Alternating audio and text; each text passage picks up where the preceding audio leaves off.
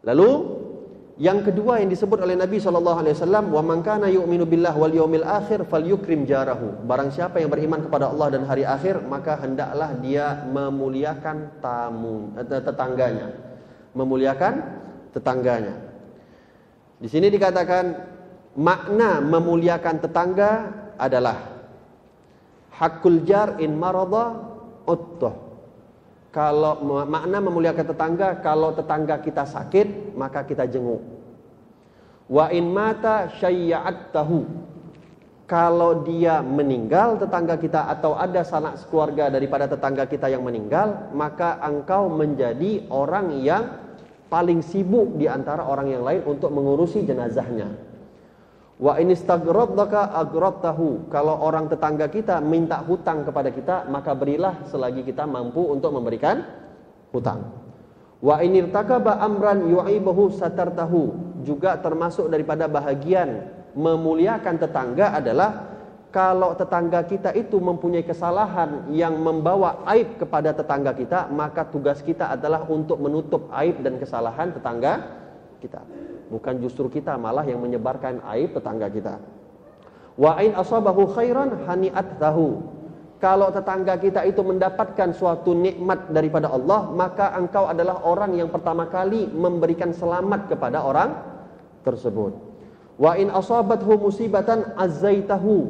Kalau tetangga kita mendapatkan musibah, maka jadilah kita menjadi orang yang pertama kali menjenguk musibah uh, orang tetangga kita tadi ketika mendapatkan musibah. Wala tarfa bina'aka fawqa bina'ihi fatasudda alaihi rih. Juga termasuk tanda memuliakan tetangga adalah dengan kita tidak meninggikan rumah kita dibandingkan rumah tetangga kita. Yang mana dengan kita meninggikan rumah kita, tetangga kita terhalang daripada angin yang masuk ke dalam rumah rumahnya. Ini berat. Kita sekarang mana mau tahu bodoh amat mah. Yang penting rumah gua tinggi, rumah gua bertingkat, yang paling tinggi kalau bisa supaya bisa dilihat orang. Enggak mikir mau kanan kiri mau ke mana juga enggak enggak mikir. Ini berat. Akan tetapi ini adalah tanda kesempurnaan iman. Wala tu'dhu birihi gedrik illa an lahu minha dan jangan salah satu tanda memuliakan tetangga adalah jangan sampai kita menyakiti hati tetangga kita dengan bau masakan kita. Kalau memang kita nggak ada niat untuk memberikan masakan kita kepada tetangga kita. Ini masak enak-enak rendang, masak enak-enak gulai, kari kambing, tetangga awak tiap hari makan kambing, awak makan eh, tetangga awak makan tempe, kita makan kambing. Yang kita kasih cuman baunya aja. Kambingnya nggak pernah dikasih. Tiap hari kita tahu dia makan tempe, kita setiap hari makan kambing, makan daging, makan ayam, tapi sedikit pun nggak pernah ngasih makanannya yang dikasih cuman bau asapnya saja. Bahkan asapnya diarahkan lagi ke rumah tetangganya. Ya Allah. Dikipas ke situ ya. Tamam. Di sini dikatakan oleh ulama, siapa yang termasuk tetangga? Dikatakan tetangga itu adalah orang-orang yang rumahnya berhampiran dengan kita. Juga termasuk daripada bahagian tetangga adalah dikatakan 40 radius rumah di antara rumah kita. 40 rumah di depan kita itu tetangga kita, 40 rumah di kanan kita itu tetangga kita, 40 rumah di belakang, 40 rumah di kiri itu semuanya tetangga kita. Tapi enggaklah pula misalnya kalau masak, kalau memang mampu, kalau memang mampu masak satu hari untuk 40 rumah, berapa 40 depan, berapa rumah itu? 160 rumah. Kalau mampu ya tak masalah, kenapa rupanya? Tapi setidaknya bentuk pemuliaan adalah 40 ah, kita memberikan apa yang wajib untuk kita berikan atau yang harus kita berikan daripada makanan kita yang sekiranya rumahnya itu kena dengan baunya rumah masakan baunya rumah-rumah baunya masakan rumah rumah kita. Kalau memang nggak sampai dan kita nggak mampu untuk melebihkan makanan kita ya tidak wajib juga harus dika, dikasih. Takutnya semua ini nanti sekarang masak untuk setiap hari 160 orang. Tapi kalau memang mampu fadl, ahsan. Tamam. Dikatakan di dalam hadis bahwasanya Nabi wasallam pernah mengatakan, "Aku didatangi oleh malaikat Jibril. Mazala Jibril yusini bil jar hatta dhanatu annahu sayuwarrithu."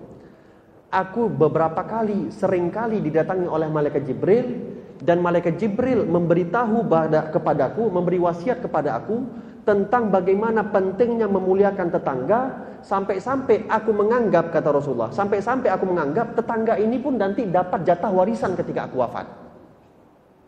Saking seringnya Jibril memberikan wasiat kepada Rasulullah tentang memuliakan tetangga, sampai kata Nabi Muhammad, aku takut, aku menganggap tetangga pun seharusnya mungkin dapat warisan setelah seseorang itu wafat. Saking pentingnya ini memuliakan tetangga. Juga dikatakan oleh Rasulullah wasallam, "Ma'ami nabi man bata syu'banan syab'anan wa jaruhu ja'in ila jambi wa huwa ya'lamu bih." Tidak dia selamat daripada aku kata Rasulullah sallallahu alaihi wasallam. Dia tidak selamat daripada aku barang siapa orang-orang yang tidurnya dalam keadaan dia kenyang akan tetapi tetangganya dalam keadaan kelaparan dan dia tahu bahwasanya tetangganya itu dalam keadaan lapar. Tetangganya lapar, dianya kenyang-kenyangan dan dia tahu tetangganya kelaparan dan dia tidur dengan nyenyak dalam keadaan kenyang, gak akan selamat orang-orang semisal ini daripada baginda Nabi Muhammad sallallahu alaihi wa ala alihi wasallam. Juga dikatakan oleh Sayyidina Abdullah bin Umar, riwayat hadis yang dikatakan oleh Abdullah bin Umar bahwasanya Rasulullah SAW pernah bersabda, Kam min jarin yata'allaq bijarihi yaumal qiyamah. Beberapa banyak tetangga nanti di yaumil qiyamah yang akan menuntut kepada kita ketika di yaumil qiyamah akan berkata kepada Allah, "Ya Rabb, hadza akhliq babahu duni famana'ani ma'rufahu." Ya Allah, ini tetanggaku setiap hari dia tutup pintunya daripada aku supaya aku tidak bisa kenal sama tetanggaku ini. Ini adalah keadaan kita sekarang. Keadaan saya, keadaan Anda semua. Berapa banyak kita sudah nggak peduli lagi dengan tetangga kita. Bahkan banyak di antara kita yang sudah nggak kenal lagi siapa tetangga. Mau tetangga kita orang baru, mau tetangga kita orang lama, nggak kenal lagi dan nggak pernah mau tegur siapa lagi kepada tetang tetangga. Dan ini mungkin juga saya rasa salah satu faktor buruk atau penyebab buruk daripada sosial media. Menjauhkan yang dekat, mendekatkan yang jauh, menjauh. Yang di Amerika, yang di Inggris, awak silaturahmi tiap hari tanya apa kabar. Yang dekat, yang di sebelah, tahu kenal siapa pun nggak tahu. Dia punya anak berapa pun nggak tahu. Udah punya cucu berapa pun nggak tahu. Bodoh amat. Padahal kira-kira coba bayangkan, kalau kita sakit, kalau kita sakit, yang pertama kali bisa membantu kita itu yang di London atau yang di Amerika atau yang di sebelah rumah kita. Kalau kita melahirkan, istri kita melahirkan, kita nggak punya mobil, tetangga kita punya mobil. Yang kita harapkan mobil dari eh, Amerika atau dari London sana atau mobilnya tetangga kita yang lebih harap yang kita harapkan. Akan tetapi kita sudah lupa akan hak-hak orang-orang yang harusnya lebih dikedepan, dikedepankan. Juga Nabi Shallallahu Alaihi Wasallam pernah bersabda, "Man ada jarahu fagat adani, wa man adani fagat adallah." Barang siapa yang suka menyakiti hati tetangganya, maka seakan-akan dia sudah menyakiti hatiku dan orang-orang yang menyakiti hatiku maka dia sudah menyakiti Allah Subhanahu wa taala.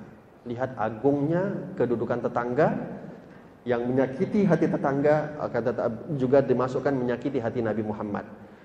Mafhum mukhalafah daripada hadis ini adalah barang siapa yang memuliakan tetangga maka dia hakikatnya sudah memuliakan Nabi Muhammad. Dan barang siapa yang sudah memuliakan Nabi Muhammad maka hakikatnya dia sudah memuliakan Allah Subhanahu wa taala. Lalu Rasulullah sallallahu alaihi wasallam di dalam riwayat Baihaqi juga pernah bersabda, "Man ahabba ayyuhibbahullahu wa rasuluhu falyasdaqul hadis wal yu'addul amanah wa la yu'di jarah." Dikatakan oleh Nabi Muhammad barang siapa yang men, yang suka bahwasanya Allah Subhanahu wa taala akan cinta dan Rasulullah akan cinta kepadanya, maka lakukan tiga hal. Yang pertama, berbicaralah perkataan-perkataan yang jujur wal yu'addil amanah dan tunaikanlah amanah yang diberikan kepada wala yu'di jarahu dan jangan sekali-kali kita menyakiti hati tetang tetangga. Juga pernah diwayatkan oleh Sayyidina Malik bin Dinar bahwasanya Malik bin Dinar ketika itu di rumah beliau itu terlalu banyak tikus. Tikus menyerang rumah beliau, hama-hama menyerang rumah beliau. Murid-muridnya mengatakan, "Ya Imam, Kenapa enggak engkau taruh saja satu kucing engkau pelihara supaya tikus-tikus lari? Kata Malik bin Dinar, kalau aku letakkan kucing bisa saja, akan tetapi kalau aku pelihara kucing di rumahku, maka aku takut tikus-tikus yang selalu datang ke rumahku dia akan lari ke rumah tetanggaku. Maka aku akan berbuat sesuatu yang tidak aku sukai dan aku suka dengan orang yang kepada orang lain jatuh kepada tetanggaku sesuatu yang aku tidak sukai. Maka biarkanlah rumahku banyak tikus tidak apa-apa, asalkan jangan rumah tetanggaku yang banyak tikus. Kalau kita mah bodoh, eh, semua racun tikus kalau kita keliling di rumah kita kita taruh supaya lari ke mana nggak masalah. Memang nggak niatnya untuk tetangga, tetapi kan kita nggak pernah berpikir juga apakah tikus itu kalau lari daripada rumah kita larinya ke rumah tetangga kan kita nggak mau tahu. Walaupun memang tidak, insya Allah tidak sampailah niat kita mengusir tikus untuk tikus itu sampai ke rumah tetangga.